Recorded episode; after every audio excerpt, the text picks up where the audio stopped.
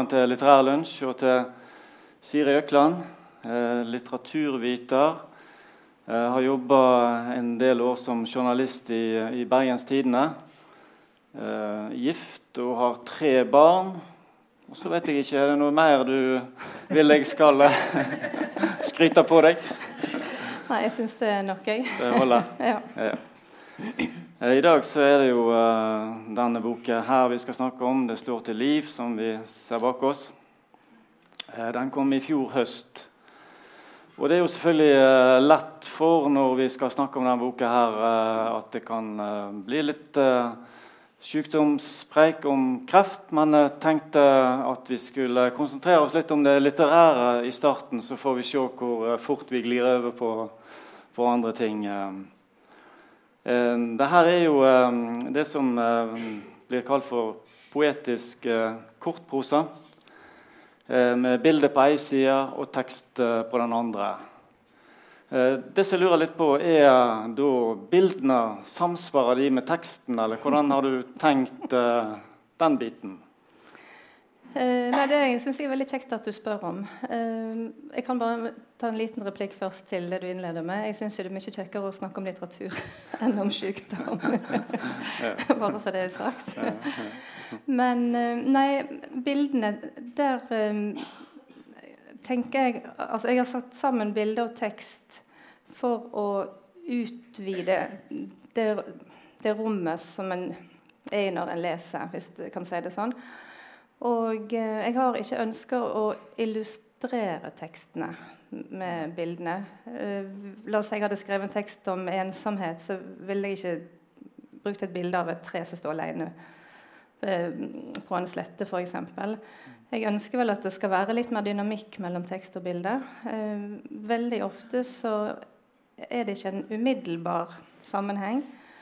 Men noen ganger er det ja, kanskje kan en finne mer. Men, men det som er interessant med bilder, er jo at vi ser de så forskjellig.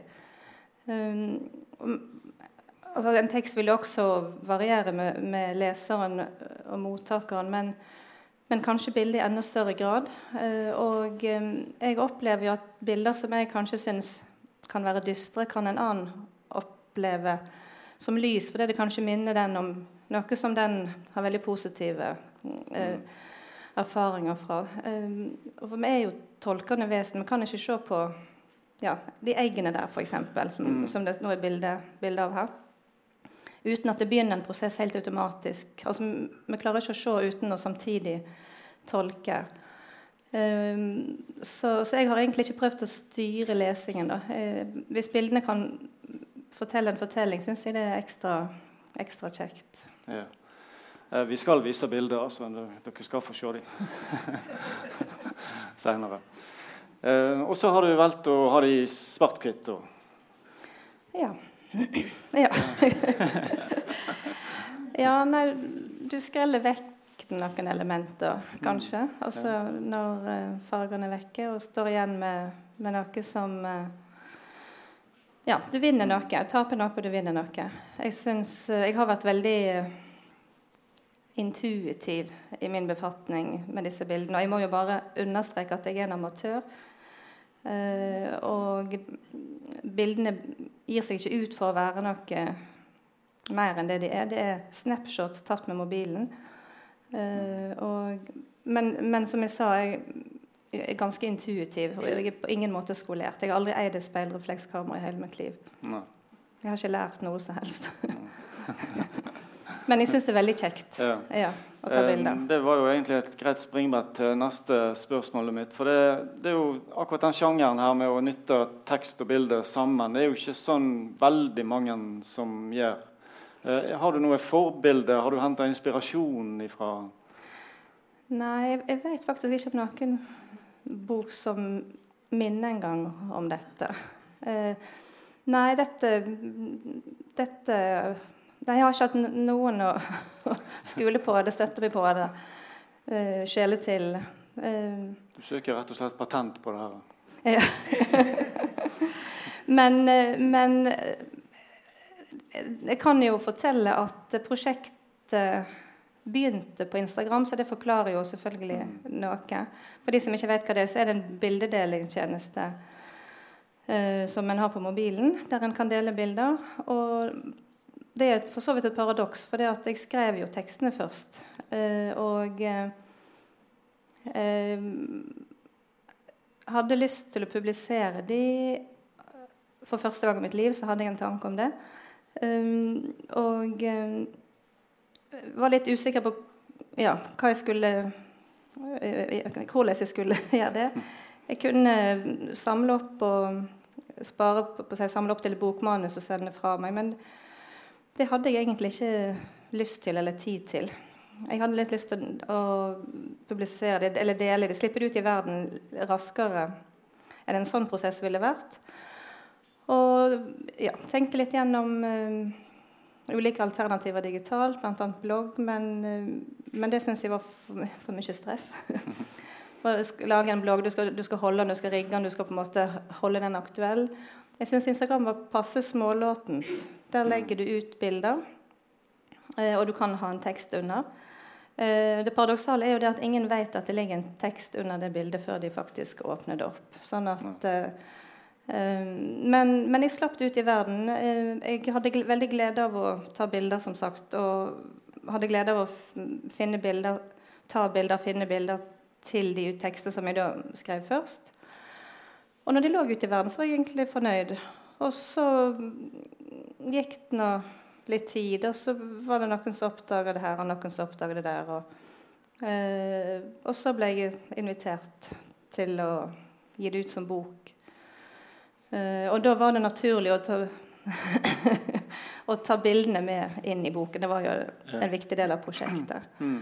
Eh, og til boken har jeg skrevet flere, en hel del nye tekster som ikke er på Instagram, og jeg har byttet ut veldig mange bilder i forhold til Instagram. For veien har blitt til mens jeg har gått, og, og bokformat er helt annerledes.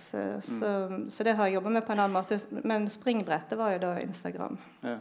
Nei, for Det er jo veldig fine tekster. For dere som ikke har lest det, så har dere noe å glede dere til. Og hun vil lese en del på slutten.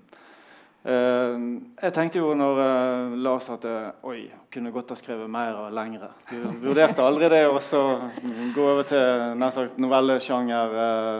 Ja, et eller annet? Nei, jeg, eh, ikke, ikke, med dette. Her syns jeg at den formen jeg bruker, er det er sånn jeg vil uttrykke dette. Mm. Ja. Ja. rett og slett. Jeg, jeg, ønsker ikke å male det ut og breie det ut. jeg ønsker Nei. å og rett og slett si ting som kan være både sterkt, følsomt, sårt, morsomt den, eh, i det mm. korte formatet som dette. Ja. Og så bruker du eh, en, en spesiell fortellerstemme for synsvinkel, altså du-form. Du skriver Eller boka starter vel med 37 år gammel blei du kreftpasient. Hvorfor valgte du akkurat den synsvinkelen? Jeg ønsker Jeg har egentlig aldri ønsket å dele min personlige berett, altså historie. Det dette er ikke min personlige beretning på den måten som, som en f.eks. kan lese. Det, det er mange som blogger om sin vei gjennom kreftsykdom eh, eller andre, andre ting i livet. Det, det fins bøker der folk fortelle sin historie, enten som pårørende eller som kreftsyk, kreftoverlever. Eller, eh, og, og, det syns jeg eh, er vel og bra. Det, jeg har sjøl hatt, uh, hatt, både glede og nytte av å lese om andres erfaringer, men, men det, det, som jeg ville, var veldig langt derifra. Men jeg bruker jo mine erfaringer, det er jo ikke tvil om det. Det er ikke grunn til å mm. legge, legge skjul på det. Men jeg ønsker ikke å holde, liksom, holde det her at nå skal jeg fortelle om Siri. så, så du-formen da tenker jeg at jeg flytter det lenger vekk fra meg sjøl. Eh, og eh, i beste fall så kan, kan, det være så allment at andre kan kjenne seg igjen. Og, og at, ja, jeg håper at det kan gi gjenklang eh, hos en leser. Ja. Mm.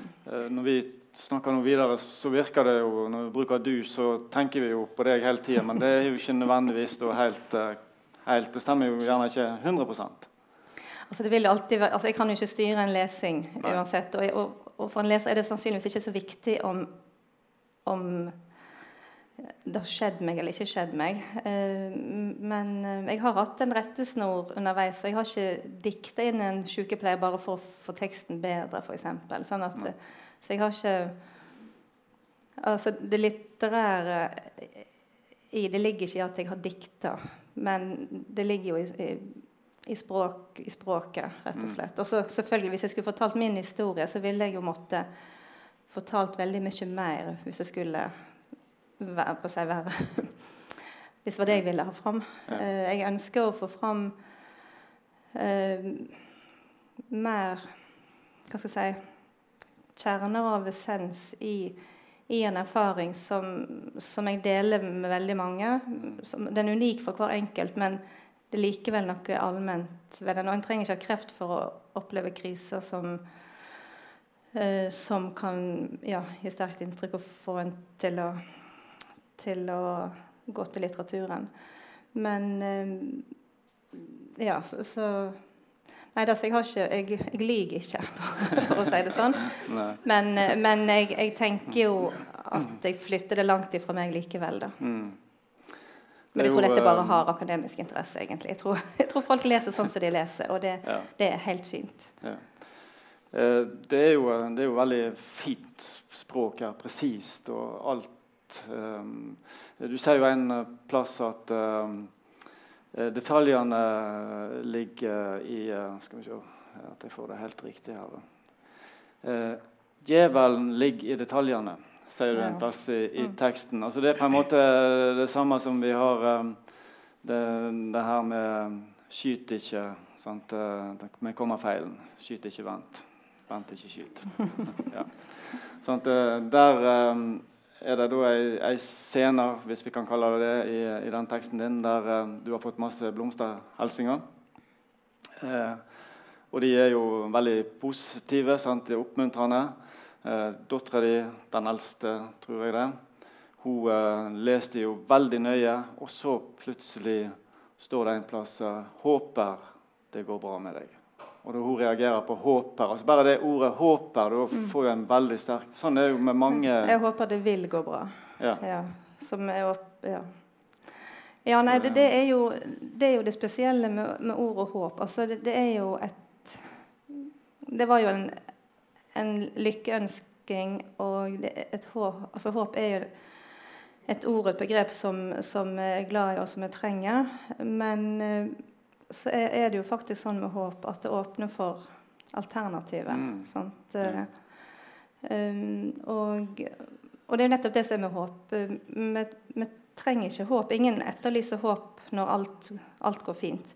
Det er jo når, når, det dukker opp noe truende, noe potensielt farlig, mm. at håp blir relevant. Ja. Så det fins faktisk ikke håp uten fare. Ja. Ellers er jo, eh, det er jo selvfølgelig det er jo et uh, alvorlig tema du skriver om. Men uh, det er jo en variasjon i toneleie igjennom. Du har noen plasser faktisk et leikent språk òg. Uh, kanskje du kan gi et lite, um, lite eksempel på ei jeg har kalt det for parykkscene. Side 39. Side 39.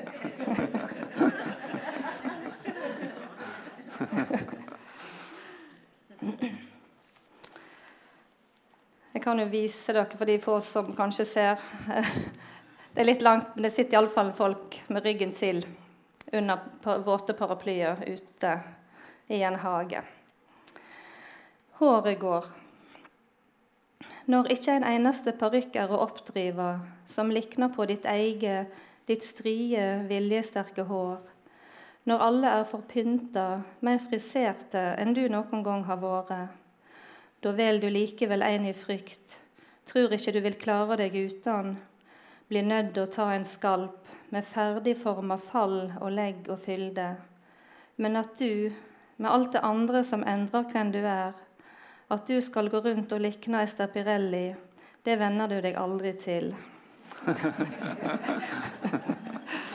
Og all respekt for Osterpirelli, altså bare så det er sagt. Men eh, vi, ikke, vi, hadde ikke samme stil, da. Meg og Osterpirelli. Ja. um, for meg så um, litt sånn nysgjerrig på hvordan forfattere jobber og sånt, så eh, kom jo eh, allerede på tekst nummer fire i boka et av høydepunktene eh, der du eh, eh, altså du, Da har du nettopp fått diagnosen, og hva gjør du nå? hvordan tar du det her? Og da tar du det som en forfatter. For hva gjør du da? jo, du går til den beste butikken og kjøper den fineste boka, for det skal være godt å skrive om de vanskeligste tinga. Ja. Det var fantastisk. Eh. ja, nei, det, og det er faktisk helt tilfellet. Jeg sto Ordning og rede, som fantes den gangen, var, der var jeg på besøk neste dag. Men jeg kan korrigere de litt. For jeg, fikk denne diagnosen første gang i 2004. Det var 13 år siden jeg ga ut boken. Nå er det jo snart 14. Um, jeg var på ingen måte noen forfatter den gangen. Så det var ikke en forfatter som gikk og kjøpte en skrivebok. Det var, det var en uh, dame, en kvinne, som hadde fått verden i hodet, og som uh, uh, egentlig alltid har vært skrivende på den måten at det er en måte å forstå verden på, å tolke verden på, få orden i kaos, det er rett og slett å bruke ord. Men den Det det var notater, loggbok, prøveresultat, tanker, refleksjoner og ingenting av det som fins i den boken og de mange påfølgende gjennom disse årene, eh, har noe som helst med med den boken jeg har gitt ut. Ja. Det, jeg har aldri Jeg har ikke skrevet for skrivebordsskuffen, eh, og så har det blitt bok nå, eh, mange år etterpå. Eh, så jeg syns jo jeg, ja, jeg syns jo det store ord å kalle seg forfatter etter en bok, men, men, det var dine ord. Um,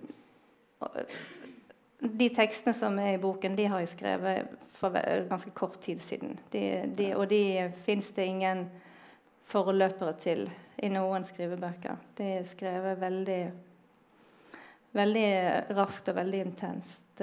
Mm. Fra mer eller mindre intet. Bortsett fra at altså, det indre er jo ikke intet, men det er ikke noe jeg har sittet og pussa på og gnikket på. Nei. Eh, det er det ikke gjennom år. Nei, for du du sier jo det um, at det trenger jo ikke kun være uh, med kreftsykdom. Det her kan gjelde andre ting òg. Så det er jo veldig sånne flotte filosofiske betraktninger. Uh, jeg har um, notert meg sjøl her at uh, det her kunne vært sagt til oss over 60 år. Der er jo en del iblant oss her. der du Eh, forklare hvordan du må justere livet ditt. Du, du, du sier det at uh, din nye oppgave er å justere speedometeret. Krympe metermålet i deg sjøl når ikke kreftene er så, så store lenger. Det uh, syns jeg var sånn som vi passer på oss andre òg. så det um, vi begynner nesten å nærme oss til uh, der du skal lese. Um, du har jo med deg òg noen uh, eksemplar til de som uh, har lyst til å kjøpe. For det, det leste seg jo. Det, det, er jo litt spesielt. Du har jo et forhold til Montebello-senteret. Mm. Som du ønsker å gi Eller som overskuddet av boka går til. hva Montebello-senter, forklar litt hva, hva, det er. Ja. Eh, det er ikke overskuddet det hele, hele honoraret, bare for ordens skyld. Ja. Eh, Montebello-senteret er et eh, rehabiliteringssenter. Et gammelt tuberkulosesanatorium. Fantastisk flott uh, trevilla på mange, mange, mange tusen uh, uh, Det der i andre blir det Ja. Godt dere skjønner meg. Eh, der de eh, tilbyr ulike kurs for kreftpasienter og pårørende. Og de hjelper veldig, veldig mange. Og de får eh, penger til på seg vann og brød, på seg daglig drift over statsbudsjettet. Men alle andre tiltak Eller hva skal jeg si velferds, Veldig mange velferdstilbud eh, som de kan tilby. Eh, det, det kom i stand etter donasjoner. Da. Mm. Så jeg, jeg, jeg, og min familie har hatt veldig nytte og glede av opphold der, og jeg hadde lyst rett og slett til å bidra. Ja. ja så det egentlig så er det en måte å vise takknemlighet på. Mm. Ja. ja. Nei, men da tror jeg eh, rett og slett eh, du skal få lov til å lese litt. Johanne. Ja. Ifra, så får vi se om jeg klarer å trykke på de riktige plassene. Jeg er sikker på at du klarer.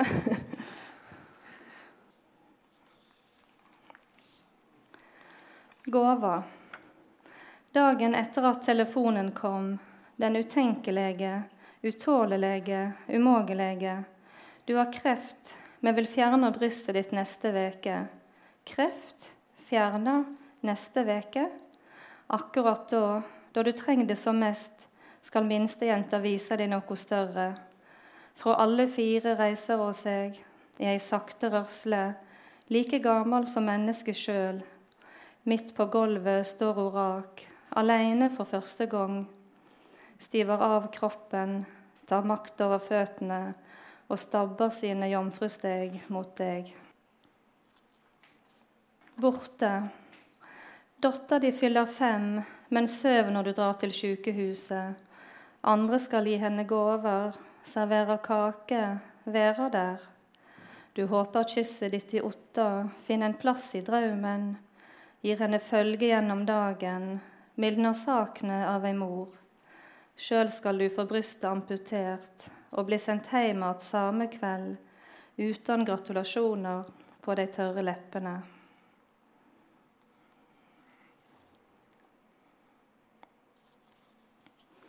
Kontrasten, spriket i din egen kropp, får brystet skåret av, og allerede samme kveld pumper ut den mjølka det friske brystet bunkrer opp så rikelig, så trufast mot en vesle. Aleine sitter du der med livets hvite dråper spilt på høyre lår. På venstre side et krater, et søkk, et sår, et fravær som rommer død.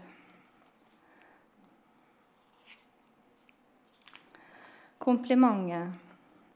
Det fineste får du av Han, orda som slipper lotten løs, får fram fliren som snur det heile. Da brystet er fjerna, kjem det fra Han, den kjæraste, så likt seg i all si vide innsikt. Ja, ja, jeg er ikke så flink til å tenke på to ting på en gang uansett.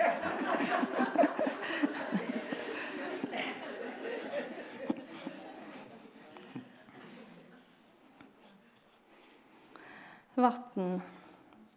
Etter den firdoble operasjonen ligger du lenka og lemlesta på rygg. Da kjem hun ubeden med fat og klut. På gamlemåten, den eneste måten, vasker hun den miserable kroppen din. Fjerner blod og svette, framme og bak.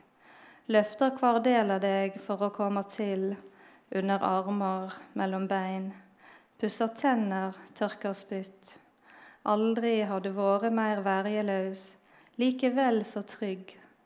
Du ser ikke fjeset hennes, er for sjuk til å åpne øynene, men hver pore i huda di, hver nerve kjenner hendene, hvor vennlig hun gjør sin rutine, hvor verdig hun fører deg fra natur til kultur.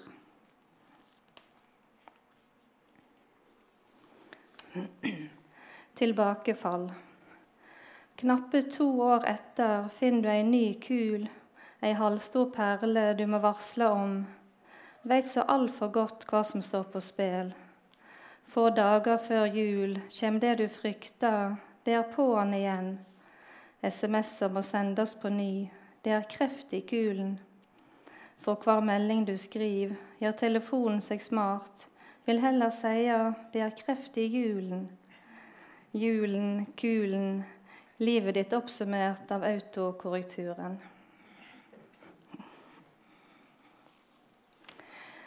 Det som ikke står i boka, da du får beskjeden, er det ikke slik at lyset går. Det er ingen pauker eller stoppskilt, Ingen sakte film eller platestift som rasper over LP-en, men du begynner å slurve med tanntråden, kjøper makuleringsmaskin, går over til vannfast maskara. Dette er også å få vite at du skal dø.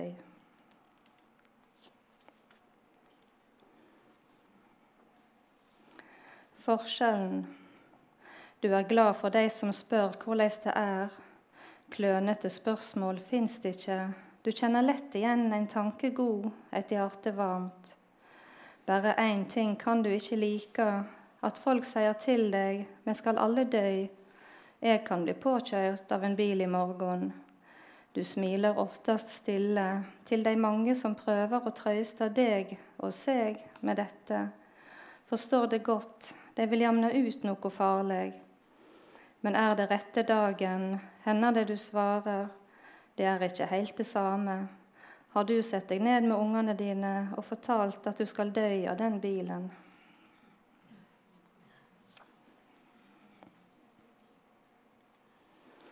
Sagt og usagt. Det er kommer feil, sier far din når blodverdien er på det lågeste slik får han sagt det han ikke kan si, det som datterøret alltid vil forstå.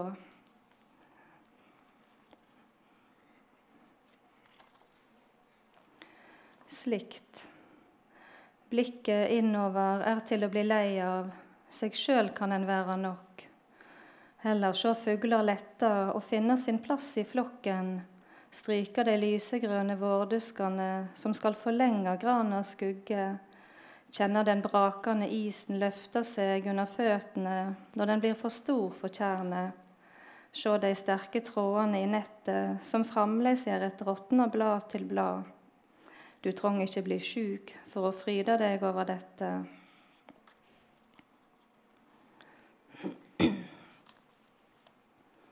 Bortanfor.